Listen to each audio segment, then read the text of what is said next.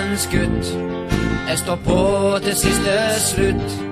Kledd i gult og svarte klær, sier det som det er, en sørlandsgutt.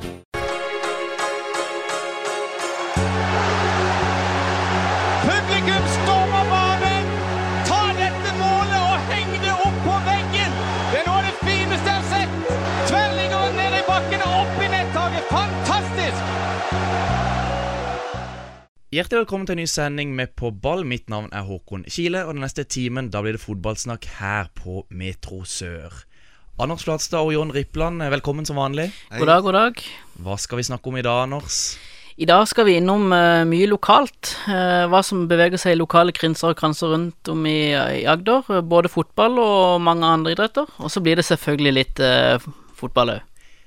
For vi er som kjent en lokalfotballpodkast, og derfor skal vi bl.a. Uh, i dag eh, innom Facebook-gruppa Lokalfotballen i Agder, hvor vi finner ukas gjest, Rune Stensland. Velkommen. Jo, mange takk.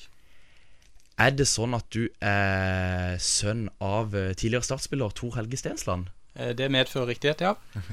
For eh, jeg husker jeg faktisk jeg hadde han som eh, gymlærer på KKG, og en liten historie fra han. eh, det var sånn at eh, hvis vi sa at vi spilte fotball for et lag her på Sørlandet, så fikk vi automatisk eh, eh, fem i standpunktkarakter. med da muligheten til å ta en vippeprøve. En ganske overkommelig vippeprøve med avkrysnings eh, sånn multiple choice. Som eh, gjorde at vi ofte endte opp med sekser i standpunktkarakter. Gratulerer.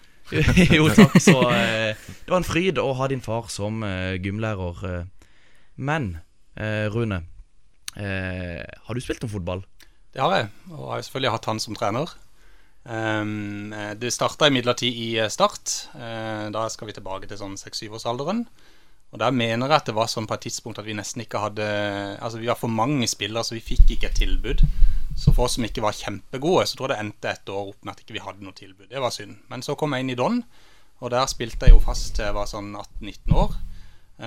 Og fikk da fem minutter i andredivisjon før vi rykka ned, med Tor Helge Stensland som trener. Men eh, det var stort, og vi var på tekst-TV. Og i eh, hvilket år eh, sånn cirka snakker vi her? Eh, da vil jeg tippe at vi er i eh, 93. For Men hvor i Kristiansand er du fra? Eller hvor i Kristiansand er du egentlig fra? Eh, jeg vokste opp i Torredalsveien på Lund, der mine foreldre fortsatt bor. Eh, så bodde jeg der da til jeg var sånn eh, noen og tjue, faktisk. Og så eh, ble jeg relativt tidlig pappa, 23 år. Så eh, vi har to gutter på 19 og 17. eh, og vi bor da i, på Fiskertangen nå. Svein Mathisen var i Start, og Start var Svein Mathisen.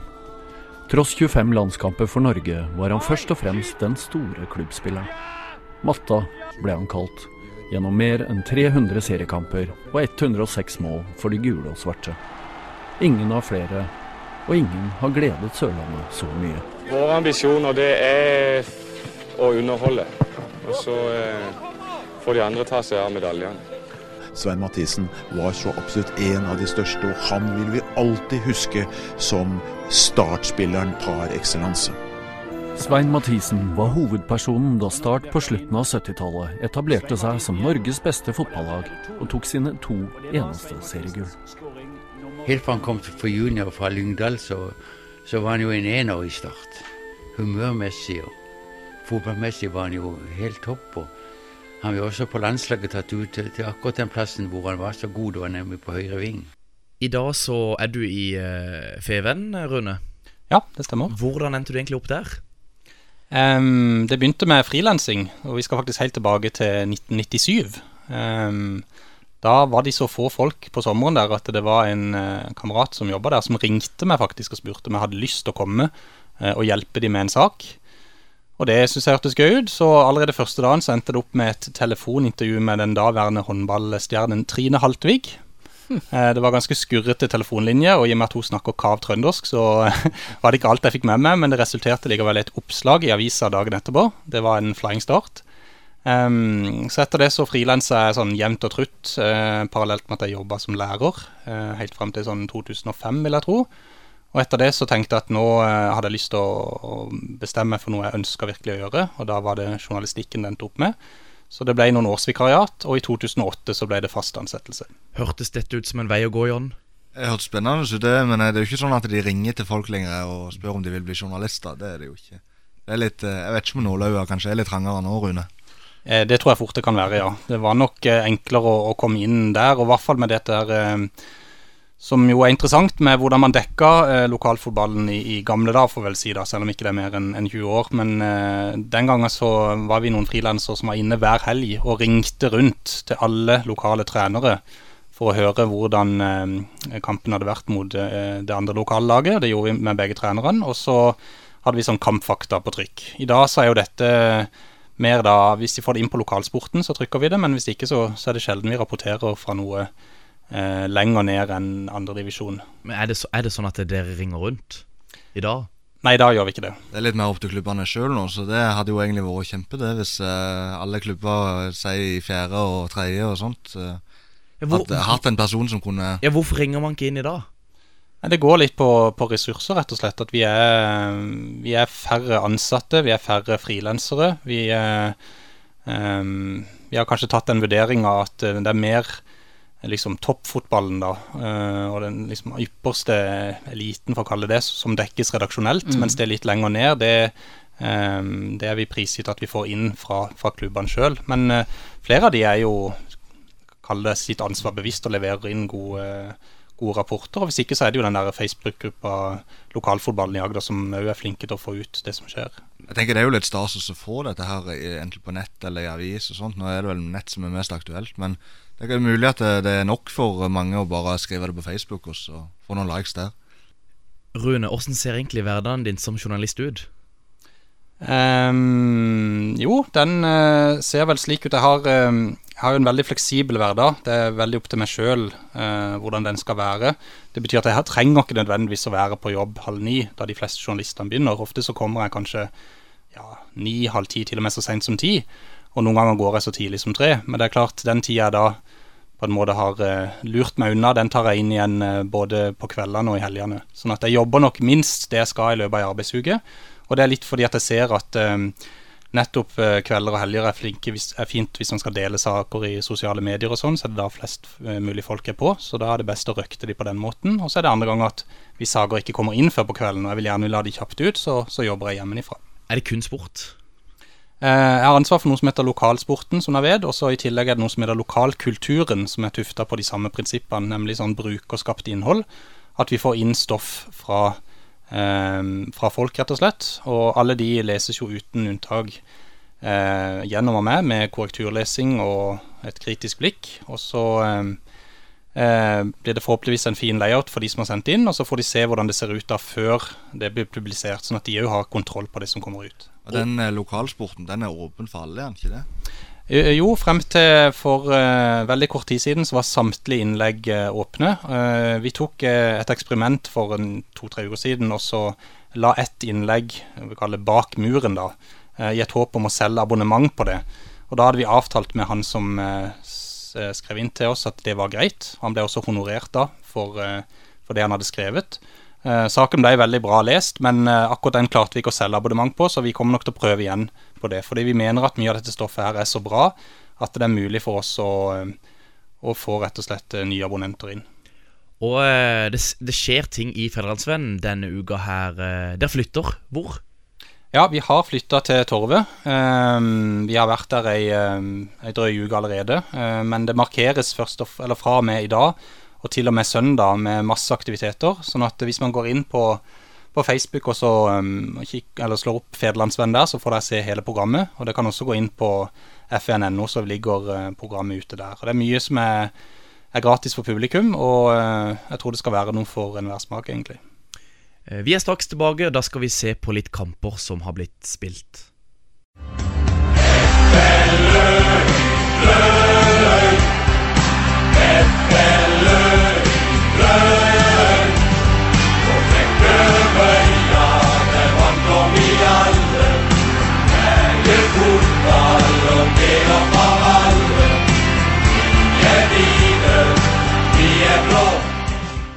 Det står eh, en sak her på, eh, på lokalsporten. Fløy tapte lokaloppgjør. Og det er Dagfinn eh, Grastveit i Fløy som har skrevet den. Den saken står for øvrig også på fløy.no.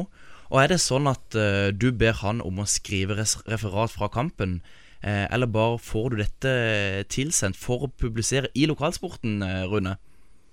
Em, det er ganske ulik rutine på hvordan eh, klubbene gjør det. Men det er klart sånn som Dagfinn han er veldig flink til å sende en melding. Nå ligger det et innlegg klart. Uh, det har gått inn i vårt eh, system. Han er en sånn ekstern bruker. Uh, skrev inn tes, uh, tekst lasta opp bilder. Slik at det gjør det veldig enkelt for meg å gå inn, eh, lese gjennom, justere litt på bilder og sånn hvis det trengs, og publisere. Um, så er det riktig som du sier at han skriver for Fløy, og det er vi jo veldig tydelige på. Vi markerer med at den og den personen skriver på vegne av den og den klubben, slik at det ikke skal være noe tvil om at dette er såkalt brukerskapt innhold. Er du på mange kamper sjøl? Eh, Altfor få, egentlig. Eh, jeg følger jo relativt godt med på hva som skjer, men det å, å være live ute, det må jeg innrømme at jeg er ikke like flink til. Altså. Det, det skorter ikke egentlig på eh, interessen. Det er mer det at når man er eh, på jobb og har eh, familie og en del ting man skal følge opp der og sånn, så er det ikke alltid tida strekker til. Men eh, jeg håper jeg kan være, bli litt flinkere til å gå og se også. Men eh, følger mye med på, på liksom, ja, Facebook og Twitter og sånn på hva som skjer. Men for å ta kampen som ble spilt i Sørlandshallen eh, forrige fredag, så syns jeg det var en kamp som svingte ganske mye fram og tilbake. Eh, fløy kanskje klart best i første omgang. Så tar Arendal mer og mer over etter hvert. Er det to lag som du kan se eh, kan kjempe eh, mot hverandre om eh, tabellplasseringa, eller er det topp mot bunn? Nei, det, her, er- det, så i hvert fall vel, det var i hvert fall veldig jevnt i Sørlandshallen forrige fredag. Eh, Tony Vo og Henrik Dalum, som spilte sentralt for Fløy, eh, jeg syns de utmer utmerka seg kanskje mest.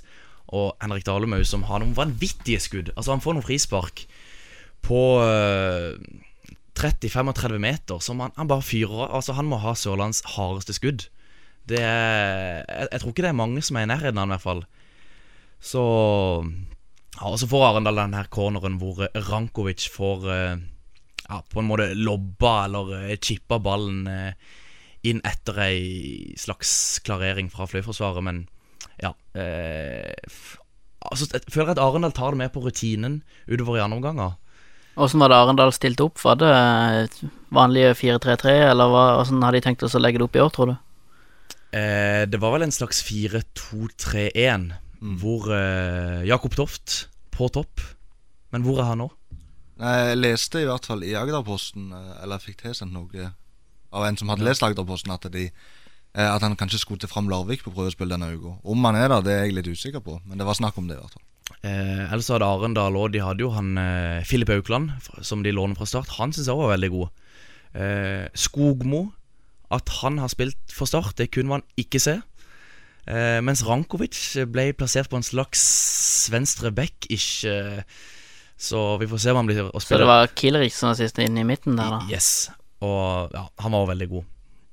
Men eh, ja, veldig tett og jevn kamp. Og så var det kaldt òg i Sørlandshallen, så eh, det var godt ikke det var noen ekstraomganger og, og, videre, og videre spill. Heia Start. I medgang og i smerte.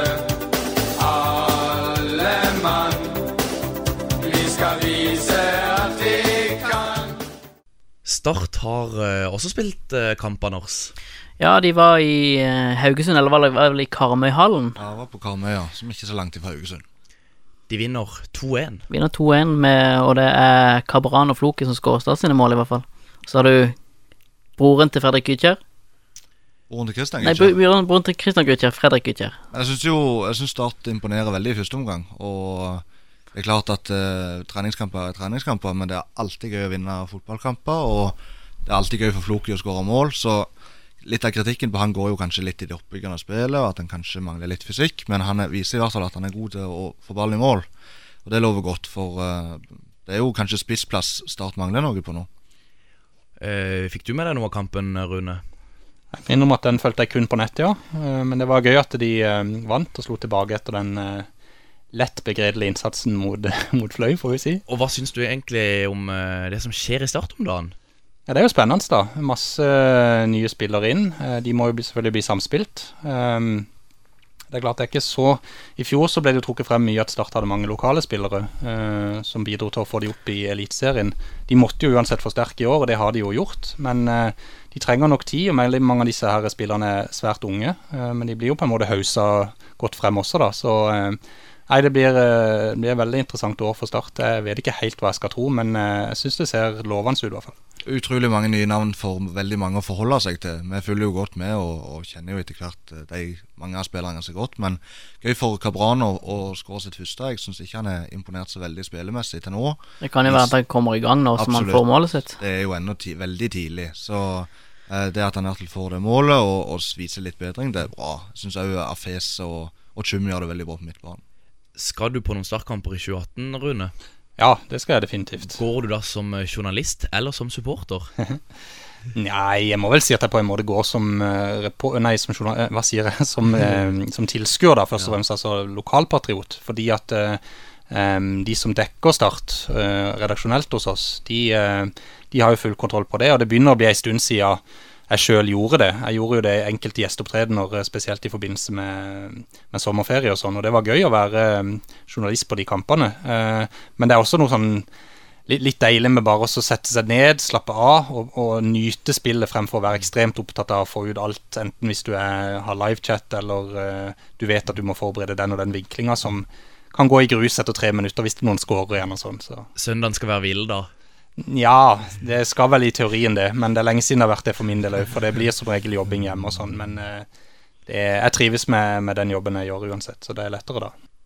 Fotballklubben Jerv hjerter. Fotballklubben Jerv fra Grimstad by. Vi må litt, uh, litt grann østover og snakke om uh, Jerv. Det er først og fremst noen spillere på vei ut der. Ja, nå har de jo uh, Start henta Mikael Ogenbaru fra de, som er en spiller som har et enormt potensial. Fikk det ikke ut veldig i fjor, var veldig mye svakere i fjor enn han var for to år siden. Men det var vel òg kanskje fordi han ble brukt som midtbanespiller i fjor framfor stopper, der han kanskje har vært best? Ja, jeg vet egentlig ikke hva som er hans foretrukne posisjon, men vi snakket jo litt om sist uke at, han, at noen av oss i hvert fall syns han er best som midtstopper. Det som overrasker meg, er at han bare er 21 år. Så det er jo nok en eh, ung gutt til start, og han har jo vist i førstedivisjon at han kan være veldig bra. Men eh, det er flere hva som var på Han Akintola spilte ikke han for Haugesund mot Start? Jo, for Akintola var jo bare på lån i Start i fjor. Og spilte I Jerv, ja. I Jerv, ja. Eh, og, men starta da på høyrekanten mot, eh, mot Start for Haugesund. Kan han ende opp i Haugesund? Jeg blir ikke overraska om, om, han finner seg en ny klubb i Norge, for uh, han viste på sitt beste at han er uh, en spiller som absolutt holder nivået i Obos-ligaen og vel så det. Mens eh, Jerv de hadde Eller de har nå en rumener på prøvespill. Har du navnet på han, Rune? Det har jeg faktisk, eh, og da måtte jeg jukse litt, det må jeg innrømme. Men han er 30 år gammel, heter Viktor Stelian Astafei. Og det er selvfølgelig alltid spennende å se når det kommer uh, nye spillere til den klubben. Det er jo litt overraskende at en 30 år gammel rumener uh, kanskje er på vei. Og han hadde jo hadde ikke spilt mye ut forbi Romania heller, litt i Malaysia. Ja, snak, jeg snakker du om fotball eller musikk, da? Eh, da snakker jeg fotball, men uh, ifølge Wikipedia da, så driver han litt med musikk på si. Så uh, det kan være en som skal spille litt på skral, Anders? Ja, det hadde, hadde tatt seg ut om en Jerv-spiller ble headliner på skral i 2018. Skal du på skral? Jeg har ikke tenkt så mye på det foreløpig, så vi får se når det nærmer seg. Hvis en Jerv-spiller skal opptre, da skal jeg på skral. Ja, det tror jeg også må. Men uh, De ser i hvert fall veldig solide ut ja. Eh, innledningsvis. da De begynte jo med en stor seier mot Vindbjart, og nå slår de Notodden, som blir divisjonsrival denne sesongen. Eh, Notodden rykte jo opp via playoff og slo Fredrikstad i fjor.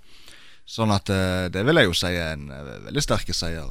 Selv om Altså, treningskamper er jo sånn at hvis du vinner, så er kjempepositivt. Og hvis du taper, så er det bare en treningskamp.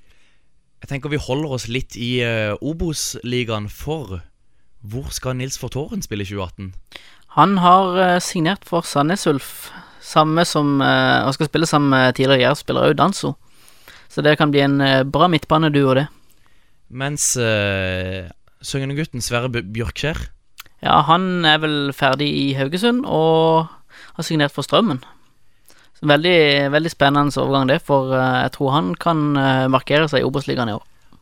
Eh, Rune, har dere noe mye fokus på overganger i Feven? Er det sånn at det ringer rundt til klubber, eller eh, får dere får dere nyss i det? Nei, hva skal jeg si. Vi er jo selvfølgelig ekstremt øh, opptatt av overganger hva gjelder Start, først og fremst. Men øh, også Jerv er jo interessant for oss. Og så har du jo liksom nivået under der da med, med Fløy og Arendal, hvor Fløy, som er de som er nærmest Kristiansand, naturlig nok har eh, skal Vi si, vi er mer opptatt av de, da. Eh, men det er gøy å se hva de finner på i Arendal også. Eh, og så kommer du til nivået under der igjen med Vindbjart og, og Don og, og Start 2 og sånn. Og der er det vel igjen det som jeg sa, at um, for min del så følger jeg gjerne med på hva de legger ut selv. Uh, og, og, hvis det er nyheter, så prøver jeg å gjengi det i den lokale sporten. Er det noe du gjør på eget initiativ, eller er det noe som Feven på en måte ja, ønsker eller uh, har ja, ja, Eller eget initiativ, eller? Nei, altså igjen, den her lokale sporten som jeg har eneansvaret for, den, den blir jo egentlig det Eh, altså Den blir så bra jeg klarer å få det til. Eh, og jeg ønsker jo å få flest mulig nyheter ut, men jeg ønsker også å få ut eh, folk som skriver eh, på en måte selvopplevde ting da, som blir mer sånn, nærmest sånn egenreportasjer. Men uh, jo flere nyheter vi kan få ut, jo bedre. Uh, samtidig er det liksom det at andre må på en måte skrive de. Så Det er ikke helt feil å si at hvis alle hadde vært like flinke som Vindbjørn og Fløy, så hadde jobben din vært veldig enkel. Det hadde han jo. Ja, han har vært enklere. enklere. Det, definitivt. Nå er det jo en del av det journalistiske å skulle jakte på nyheter òg. At man ikke bare skal sitte tilbakelent og få alt i fanget. Så sånn sett så, så trives jeg jo godt med Og man blir jo trigga litt av at man må være pågående og, og, spørre. Men det er jo deilig når, når rutinene er der, at de vet at de kan eh, levere stoff uansett, og så kommer det ut, altså. Men litt vekk fra fotballen, da. Hvilke andre idretter er det som får spalteplass i lokalsporten? Eh, alle får jo egentlig, men hvis en ser på hvem som er ivrigst, så er det jo ingen tvil om at f.eks. trav har fått et voldsomt oppsving. De har en veldig flink mann i, i Rikard Ekhaugen som sender inn eh, jevnt og trutt. Enten så er det rene løpsreferat, eh, men det kan også være en og annen sånn eh, ja, reportasje. Og, og, han har også begynt å blogge i det siste, og det har han gjort med bravur. Så eh, all mulig honnør til han. Eh, ellers så ser jeg jo at Innlegg som omhandler crossfit, blir eh, ofte veldig godt lest. Um, og der har vi noen skikkelige atleter her i byen som, uh, som virkelig markerer seg i uh, nasjonale konkurranser, og noen konkurrerer også internasjonalt. Um, vi har mange sterke mennesker på Sørlandet, uh, enten i strongman-miljø eller noe sånn såpass obskurt som å drive med grepsstyrke. Der har vi jo en verdensmester i en kar fra Arendal. så ellers vil jeg si at Bredden er stor. Vi får inn eh, rundt 100 innlegg hver eneste måned og har publisert eh, godt over 3000 innlegg på lokalsporten siden vi begynte for eh, fire år siden. Og på den lokalkulturen så er vel oppe en sånn ja, 400-500 innlegg kanskje siden mai 2015. Det er ikke verst. Nei, jeg er veldig godt fornøyd, altså, jeg må si det. Og, og tilbakemeldingene fra publikum er også jevnt over svært positive. Helt til slutt, når vi snakker om uh ja, nå ble det litt av hvert her, men uh, for å se på overganger uh, Benjamin Glidic Hvem ja, var hvor? Han har vel ikke bytta noen klubb ennå, men han skal vel på prøvespill til start. Ja, Han hadde vel sin første trening i dag, tror jeg. Mm, og det er jo en ung høyrebekk som har spilt i Grorud. Og vi var jo og så KFUM mot Grorud i sommer, alle tre. Spil, mm. Spilte ikke da? Nei, Nei han uh, hadde et, uh, lite gjest, en gjesteinntreden for Vålerenga mot uh, Manchester United noen dager før, og da pådro seg en skade som gjorde at han ikke fikk vært med mot uh, KFØ. Det var jo en av spillerne vi liksom hadde merket oss litt på forhånd, for at han er unge, han hadde spilt fast, han var kaptein for Grorud. Uh, og så litt fram til å se han, men pga. den uh, Vålerenga United-kampen, da, så Og Grorud er jo et spillende lag? Absolutt, veldig teknisk lag. Han spiller jo høyre back, og jeg leste jo Feven sin sak i, i dag, onsdag, at han uh, var kanskje best defensivt, og så kunne han uh, spille midtstopper i en, i en trier. da Så De sammenligner med Aspilicueta på, på, Chelsea da som spillertype. Og Det er jo et positivt uh, skussmål å få. Jeg Kommer han til å utfordre Vikne nå? Hvis det ender opp med kontrakt, så tror jeg kan, han kan utfordre. Men det viktigste er nok at, at du gir Vikne litt konkurranse, for nå har han jo den plassen til Odle Eie, sånn som det ser ut akkurat nå, i hvert fall. Jeg er jo veldig glad for at det ikke blir en 30-åring som kanskje sitter på benken bak, men eller en som kan utfordre Vikne litt. Jeg syns det er, viktig at Erik Vikne får spille veldig mye i år. Han, er, han ser bra ut. Altså, det er, jeg syns vi mangler litt uh, intensitet. At vi, vi, vi, er litt, vi er der, men vi er ikke der. Altså, vi, vi er der, men vi er ikke der. Altså, vi Voldsom uting. Spredt seg som en farsott over uh, fotball-Europa. Her ser vi at skuddet går rett i skinka på Colo Torre. Og da er det hens. Hens, hens, hens, hens. Alt er hens. I uh, ukens Der, men ikke der, så skal vi snakke om noe som er meget uh, aktuelt. Uh, vi skal snakke om VAR. Hva er egentlig VAR, John? Kort og greit så er det jo videodømming, altså videoassistanse for hoveddommeren. Jeg er nå litt usikker på når det skal brukes og sånt. Kanskje andre som bør ha kontroll på det. Men det er vel først og fremst i straffesituasjoner og i offside-situasjoner. Men John, vil du ha dette?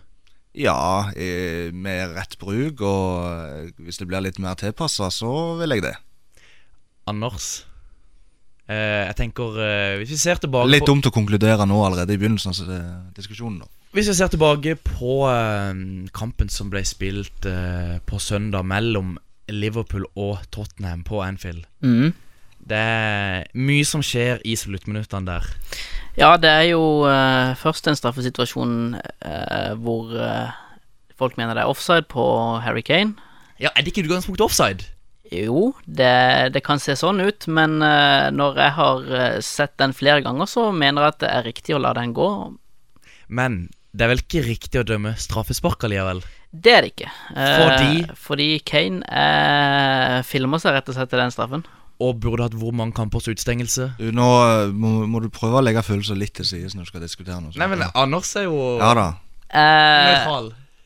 han skal vel etter regelboka ha tre kamper for filming, da, men eh, han, Får får, han dette? han får ikke det. For eh, det ble dømt på, og da tror jeg ikke de kan eh, gå tilbake på det. Men hvis de hadde hatt videodømming Ja, da hadde nok ikke blitt straffa. Han hadde fått gult kort for filming, så jeg tror ikke han hadde fått uh, den straffen der uansett. Uh, de Men det hadde, vært, det hadde i hvert fall ikke blitt straffe. Det hadde ikke blitt straffe, nei. Så i situasjonen der ble det straffe, men det skulle ikke vært straffe. Nei, Men nå bomma han, da. Så- Karma. eh, eh, Rune, har du et favorittlag i, i England? Ja, jeg har jo for så vidt det, men jeg må innrømme at når vi også skal komme tilbake til senere med dette drømmelaget, at min interesse for engelsk fotball, eh, i likhet med den norske, var nok mye sterkere før da. Ehm, sånn at ehm, Men så du er nokså nøytral når vi snakker om eh, videodømming her, akkurat i denne situasjonen? Ja, altså jeg så ikke kampene, må jeg bare innrømme. Jeg har lest litt om det ettertid. Jeg har nok en formening om at sånn eh, mållinjeteknologi, at man skal klare på en eller annen måte å få vurdert om ballen var inne eller eh, ikke, at det er fornuftig i hvert fall. Det har jo vært en del eh, graverende eksempler opp igjennom årene der på at ball som har vært i mål, har blitt feilaktig eh, dømt det motsatte. Men jeg mener på at den Liverpool-Tottenham-kampen er i seg selv ikke et argument for videodømming. Nei. Den første situasjonen så syns jeg han Ja, han dømmer straffespark på en tvi, tvilsom offside hus og så ja. en uh, filming som jeg syns òg var filming. Ja, for- uh, men når du da har den andre situasjonen i tillegg Jeg vet du kommer til å argumentere for den andre situasjonen var offside òg, og at uh, van Dijk ikke sparker ned Lamela. Begge er så tvilsomme at de to situasjonene i seg selv er ikke noen grunn for videodømmingen. Nei, men Hvis du bare ser på den andre kampen eh, Liverpool spilte der mot West Bromwich, der var det videodømming. Ja. Og da, da forsvant det tolv minutter av den kampen til å se på video. Og ti av de Det var, det var ikke ti engang, åtte minutter av de som ble lagt til. Li, Så kampene blir kortere. like lang tid som en bruker på bytter.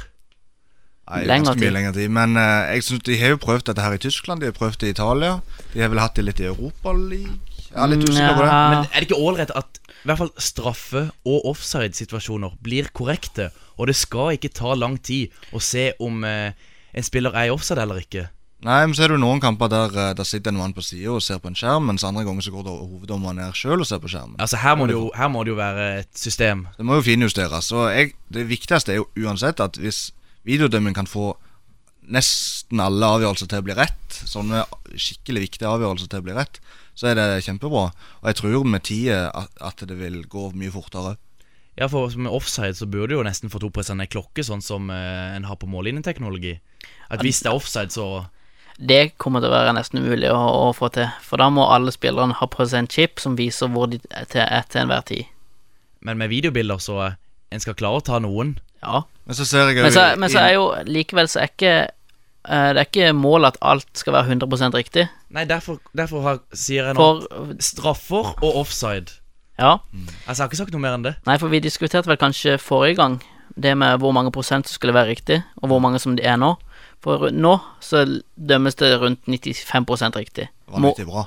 Målet med å få inn videodømming er ikke at det skal bli 100, det er at det skal bli 98. Så det vil fortsatt være feil. Og eh, regelboka tolkes jo forskjellig av alle dommere. Sånn som uh, den straffesituasjonen med Kane. Uh, Sky hadde en i studio som mente at det var straffe, mens Klettenberg, som satt i TV2 sitt studio, mente at det ikke var straffe. Ja, og jeg er jo Og de har sett på de samme TV-bildene. Så vidt jeg har lest det, så virker det ut som at uh, hvis du bruker regelboka helt, så er det offside. Men hvis du bruker litt skjønn, så er det ikke offside. Nei, for Lovren går etter ballen. Først få kontroll på reglene, deretter få kontroll på hva det skal være videodømming på. Så tar vi det derfra. Ja, men en ting til. For jeg ser at på, i veldig mange kamper der det brukes videodømming, så står de og lager dette her firkanttegnet, som betyr at nå må dere se på situasjonen. Eh, Kunne det vært en idé å fått et, eh, et antall videodømming eh, Altså, du kan ha så og så mange i hver omgang eller i løpet av en kamp, da? Ja, og utfordre kunne- situasjonen? Ja, det kunne vært noe. Litt sånn som i tennis. Ja, eller i amerikansk fotball. Ja. eller lignende. Jeg sier ikke at det er rett å gjøre det, men hvis de bare skal stå og rope på det her firkanttegnet hele veien, så kan det bli Ja for, mye det, ja, for det er viktig at det ikke kommer til å bli misbrukt. Men det er jo framtida. Det er framtida. Men jeg håper det forblir sånn som det er nå. Norges lag nummer én Rune Almenning Jarstein. Nummer tre Kjetil Wæler. Nummer fem lagkaptein Brede Hangeland. Vi har kommet til eh, spalta Drømmelag. Eh, Spalta der hvor gjesten tar med seg en elver bestående av spillere spilt, en har spilt med, spilt mot, spillere som, eh, som en har sett opp til. Eh, så nå er jeg veldig spent, Rune. Hva får vi her? Ja, her får vi vel først og fremst eh, en spasertur eh, ned minnenes aveny. Det er ikke så mye nytt her. Det er spillere som jeg syns det var moro å se på da vokste opp, og eh, det var eh, lineær-TV som var det som gjaldt. Jeg har tenkt at vi kan ha en eh, 4-3-3-formasjon eh, med offensiv gladfotball. Det viktigste er jo å underholde. Um, Makrellfotball der, altså. ja, makrell og krydder og full pakke. uh, og jeg tror det kan bli hasardiøst, fordi at på keeperplassen så uh, har vi ingen ringere enn um, José René Igita Zapata. Eh, den, eh, legendariske colombianske landslagskeeperen som eh, stoppa på 68 landskamper og skårte faktisk åtte mål. De fleste av de kom jo på dødballsituasjoner, da vil jeg jo tro. Jeg har ikke sett alle, men jeg så litt på YouTube i dag før jeg kom opp hit nå. Det er utrolig moro. Han gjør så mye sprøtt i det målet og lenger frem på banen. Så han var egentlig selvskreven. Skorpionsparket mot England i 95, den vennskapskampen der, er jo alene nok til å stå for underholdninga, tenker jeg. Tror, uh, tror du han hadde vært gal nok til å gjøre det i en, for eksempel en VM-kamp? Det er ikke godt å si. Uh, kanskje ikke, men samtidig så prøvde han jo å drible av Roger Milla i 90, og det gikk jo fullstendig galt. Han sendte jo egenhendig eh, Colombia ut av VM med det manøveren der. Eh, så hvem vet? Så svaret er ja, egentlig. Svaret er egentlig ja, når jeg tenker meg om. Og når jeg har jo kikka litt på det han har gjort seinere, altså post fotballkarriere, så har han jo da blant annet vært eh, mellommann for Pablo Escobar, og han har jo da selvfølgelig vært i fengsel og brukt litt kokain og sånn, så El Loco til, til navnet, det lever videre. Hvem finner vi på høyrebekken? Ja, på høyrebekken da eh, måtte jeg finne frem en kar som eh, min kone alltid har vært veldig svak for, så det er jo et lite poeng til henne, nemlig Paolo Maldini. Ja. Ja. Forståelig. En slags mannlig utgave av Helena Christensen, som jeg kanskje var mer begeistra for. Eh, men det er jo en eh, Milan-legende som eh, fikk sin debut som 16-åring, eh, og som var veldig tro mot den klubben i svært mange år. Han fikk 647 kamper og skårte 29 mål. Han har også 126 A-landskamper for Italia, og med 23 VM-sluttspillkamper så er det vel faktisk bare Lothar Matheus med sine 25 som har flere. Og Maldini kunne du alltid stole på. Han var jo en, eh, en kriger og eh, han var for så vidt målfarlig også på dødballsituasjoner. Og veldig sånn til å stå opp for laget sitt. og ja, En klubbspiller, definitivt. Han har vel begynt å spille litt tennis òg nå, han. Ja, han hevder seg visst litt der, tror jeg. Det tviler jeg ikke på. Eh, høyre stopper. Skal vi se. Stopper. Eh, litt sånn eh, morsom konstellasjon i midten der. Altså to stoppere. Eh, hvem som skal være høyre og hvem som skal være venstre, det har jeg egentlig ikke tatt stilling til. Men eh, begge er fra Tyskland. Og begge starta som midtbanespillere, og så ble de flytta ned senere i karrieren. Og førstemann der, han var vel den som egentlig eh, var opphavet til Libro-posisjonen, nemlig Frans Beckenbauer. Eldstemann på laget, 72 år nå. Eh, det er Kaiser. Elegant, arrogant, målfarlig. 14 mål på 103 landskamper. Og eh, vant jo senere også VM som eh, trener. Så vunnet både som spiller og trener. Fun fact på han som jeg leste, det var jo at han eh, hadde vært med på en sånn mobiltelefonreklame. Og etterpå syntes han det var så gøy at han hadde fått et nummer som han insisterte på skulle være 66666. Eh, og det var gøy helt fram til han ble beskyldt for å drive en sexlinje. Så da måtte han bare slutte med det nummeret. Ja. Så har han en eh, landsmann i Lotta Matheus, som også var midtbanespiller og ble flytta ned som Libro libero etter hvert. Han skårte òg veldig mange mål. Um, vi nevnte at han hadde 25 eh, VM-sluttspillkamper, som er rekord. Og han har også 150 A-landskamper, som òg er en slags europeisk rekord. Um, hvis det er noe fun fact om han, så må det være at han uh, har vært gift fem ganger. Det er jo en del. Uh, men uh, han husker jeg så, um, spesielt i, i VM i 86 og 90, så var han en av de virkelig store spillerne. Noen syke mål der etter å ha dribla litt. Og ja, var en kul fyr. Og hvem, eh, hvem eh, blir å spille venstreback på dette laget? Du, nå blander jeg litt. Jeg så at eh, Maldini er venstrebekken. Han var god med begge bein, Maldini, men han var kanskje best på venstre. Ja. Så Maldini, vi begynte litt feil. Maldini er venstrebekken. Og høyrebekken, det er da ingen ringere enn Josimar fra Brasil. mm. Som var en åpenbaring i, eh, i VM i 86. Da lagde han jo to helt elleville mål. Jeg tror det var mot Irland og mot Polen. De så òg på YouTube om igjen i dag, bare for liksom å få stemninga. Og det det er noen syke skudd. og Den ene så dribler han jo eh, tre-fire um, polakker òg før han skårer. Og han feirer på sånn deilig måte som jeg, jeg føler er litt sånn savn i den moderne fotballen i dag. Det er mange som er liksom skal være litt for kule og sånn, men han blir bare så genuint glad for å ha skåra de målene. Og var kanskje verdens beste um, høyreback det året, i 86. Men han fikk ikke mer enn 16 A-landskamper for, uh, for Brasil. Og i ettertid så har det ikke gått så kjempegodt med han heller. Han havna jo liksom på skråplanet og har ikke noen kontakt med barna. og ja ble vel sett på som litt sånn der døgnflue at han hadde det gode mesterskapet. Jeg tror det, altså. Ja. Også, men han fikk jo et norsk blad oppkalt etter seg, så det, det er jo sterkt. Mm. Oppe på midtbanen, der da er det en, eh, en treer. Er det da et anker vi skal fram til, eller er det en ganske flad eh, En, en flad treer? Ja, han er i hvert fall offensiv. Og um, der har jeg jo lyst til å, um, å starte med, med, høyre midtbane. Og det er da en hyllest til uh, mitt faderlige opphav, Tor Helge Stensland, som vi allerede har vært inne på. Ja, hva, fikk ikke han noen kamper for uh, Norges U21-landslag òg? Jo, han fikk uh, fire eller fem kamper på U-landslaget. Det er han jo ganske stolt av, men det er jo jeg også. Jeg syns det var stas. Jeg husker det i gymtimen der, så var det en dag hvor han tok med seg en perm med en haug med avisutklipp. Det tviler jeg ikke et sekund på. Han er glad i å mimre, og um, det er klart um, På dette drømmelaget så hadde han jo virkelig fått uh, kose seg, tror jeg. Som den eneste nordmannen blant mange internasjonale stjerner. Men han eh, tror jeg kunne gjort det bra på høyre midtbane. Han var i glanstida god på hodet, han var rask og hadde en fin pasningsfot. Jeg har jo kun sett han som veteranspiller, men da lot jeg meg imponere. Husker jeg en gang vi var på turnering i Danmark. Hvor han hadde en sånn vanvittig skudd fra eh, egen midtbanehalvdel, da, hvor han eh, liksom druste til, men jeg tror det ble tverrligger eller noe i den gata. Han, um, han, han triller ikke noe ball i dag?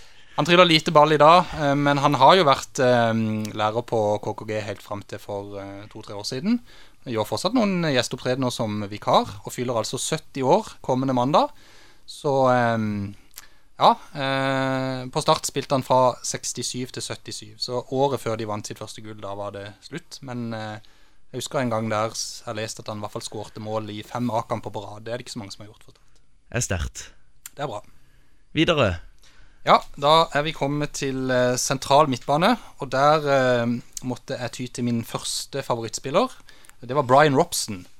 Han eh, var jo liksom kongen av, United på 80- og 90-tallet. Eh, han fikk 90 A-landskamper for England, skåra 26 mål.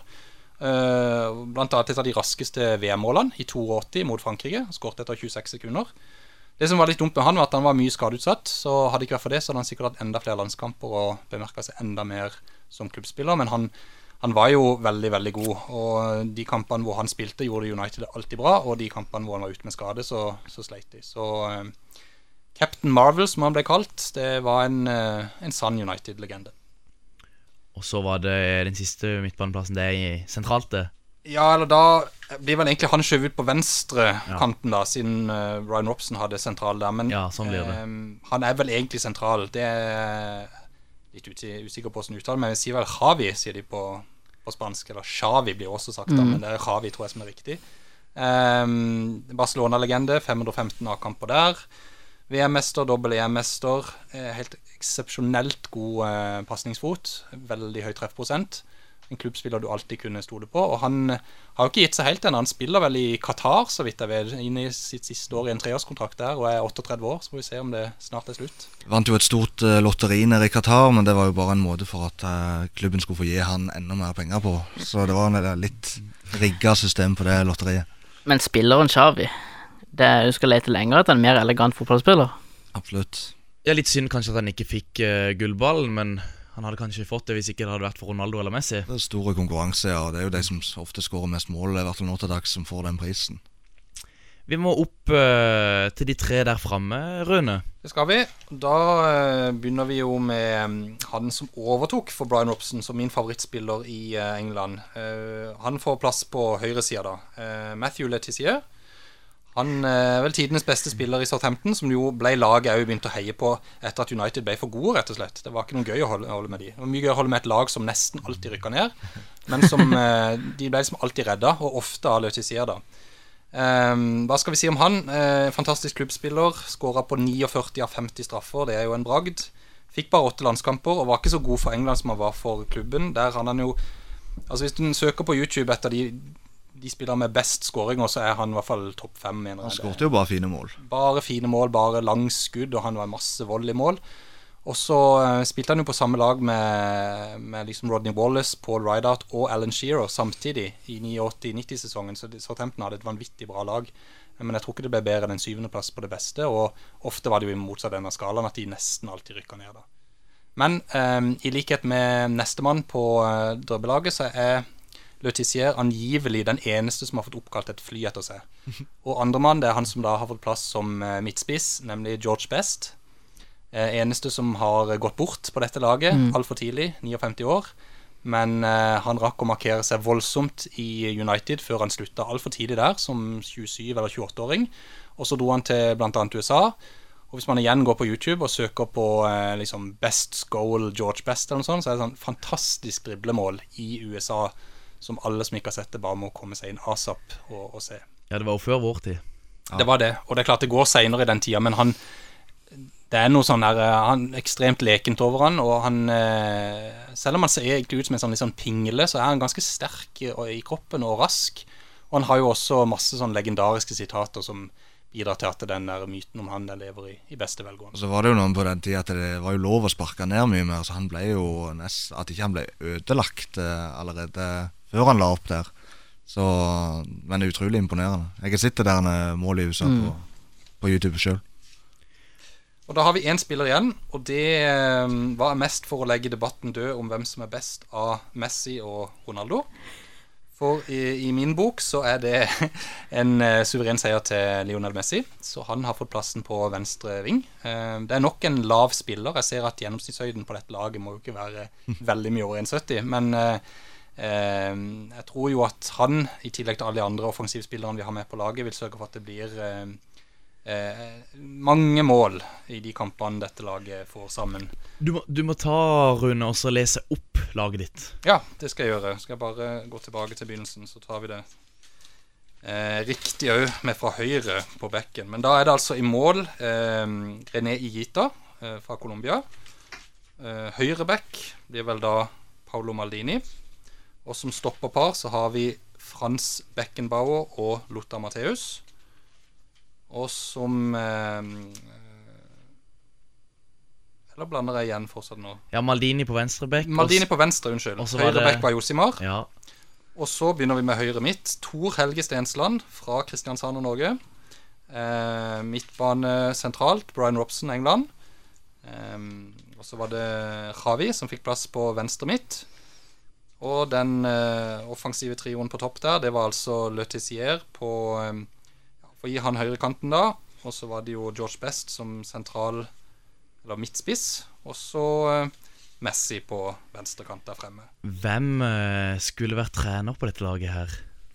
Ja, hvem skulle vært trener der? Eh, Er det, er det Tor Helge Stensland som, Kanskje som, spillende trener, som spillende ja. trener. Det tror jeg er helt riktig. Vi husker jo alle at Tor Helge Stensland var eh, assistenttrener for eh, Karsten Johannessen og i tospann med Matta i 89 for Start.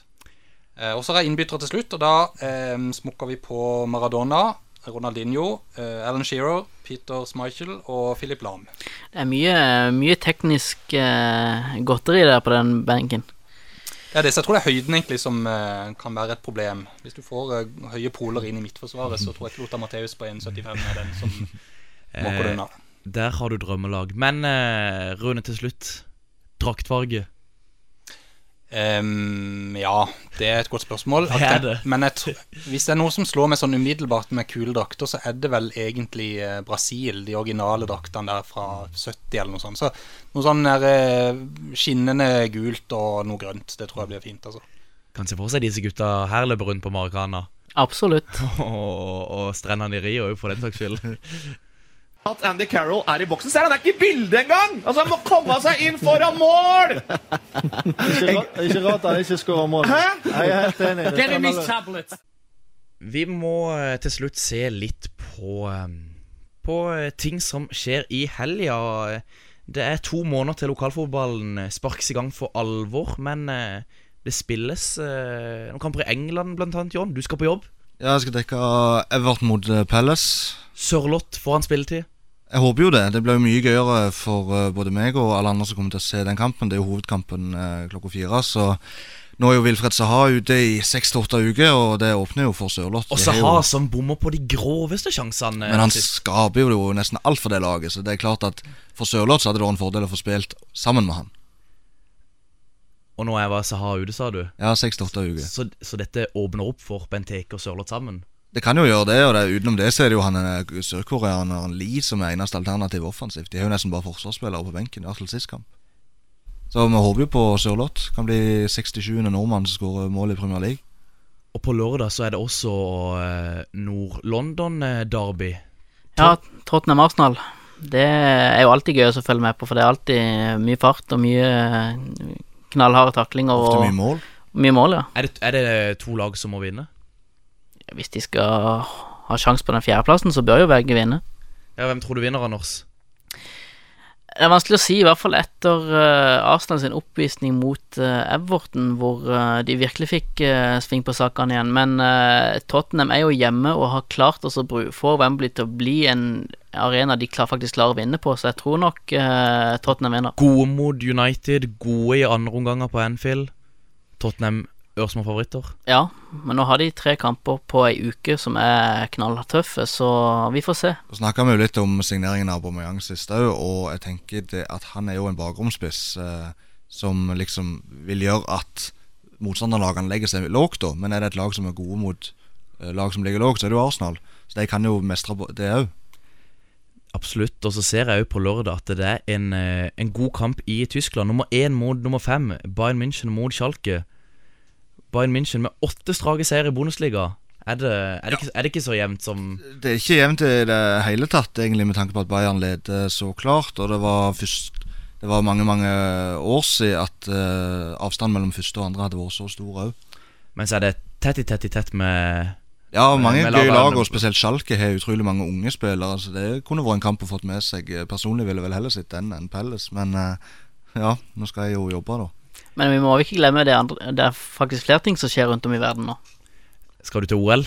Jeg tenker på OL, ja. Du skal til um, Sør-Korea? Skal til Sør-Korea. Nå det to, blir det jo to uker hvor uh, fotballen nesten må vike litt, for, i hvert fall for mange. Ja, for allerede lørdag Da er det annet langrenn og skiskyting for kvinner, samt uh, hopp for menn. Skal du se det, Anders? Må nok prøve å få det med meg på et eller annet vis. Uh, ja, for det kommer vel litt Premier League òg inn i det. I hvert fall på søndag. Newcastle mot United, ja. Ja. Mye av den der uh, OL uh, Mange av OL-øvelsene går på morgenen, da. Så får du Dere har vel sendt noen til Sør-Korea, har dere ikke det? Ja, eller han Jim Rune Bjorvann, som jobber i Federlandsvennen til vanlig, han har faktisk eh, såpass mye avspasering i Federlandsvennen at han kunne jobbe for Discovery i den avspaseringsperioden. Så han skal være reporter der og ser frem til å se Jim Rune på skjermen, ja. Stilig. Så han ble rett og slett der, ja. Men det skjer eh, ting eh, her i Kristiansand òg til helga, Rune. Ja, det gjør det. Jeg ser veldig frem til kampen mellom eh, Vipers og København i EHF-cupen eh, hjemme i Akvarama. Lørdag klokka 17 begynner den. Ehm, Det er en kamp eh, Vipers aller helst bør vinne for å gå videre i den turneringa. Også I pausen der så blir det underholdning fra mm, fire klubber som har eh, bidratt med stoff til lokalsporten, nemlig Kristiansand badmintonklubb, Kristiansand bryteklubb, Kristiansand kampsportsenter og Kristiansands turnforening. Så det tror jeg kan bli en eh, ekstra spiss på eh, opplevelsen for de som tar turen til Akvarama. Anders og John, eh, har ikke dere begge vært på kamp eh, tidligere denne sesongen? Jo, jeg har vært en gang i hvert fall mot Dizzie. Ja, jeg har òg vært vært på to mot uh, Byåsen og også mot uh, Bitkeheim. Så hva har dere å si til folk som vurderer å ta turen til Aquarama? I hvert fall hvis du aldri har vært før, så er det bare å gå. Det er en opplevelse. Det får bli eh, siste ord eh, fra ukens episode. Eh, Rune Stensland, takk for at du tok deg tid til å komme innom studio. Veldig hyggelig. John og Anders, eh, takk som vanlig. Og takk for at du som lytter hørte på. Minner om at vi er på Twitter. Der heter vi på ball RS. Vi er også fine i Soundcloud og på eh, og iTunes. Der heter vi på ball. Vi har en nettside, Anders. På ball Nei, radiosør.no slash på ball. Vi snakkes og høres. Vi slår en god gammel og sloke, så hopper vi opp og ned. Vi slår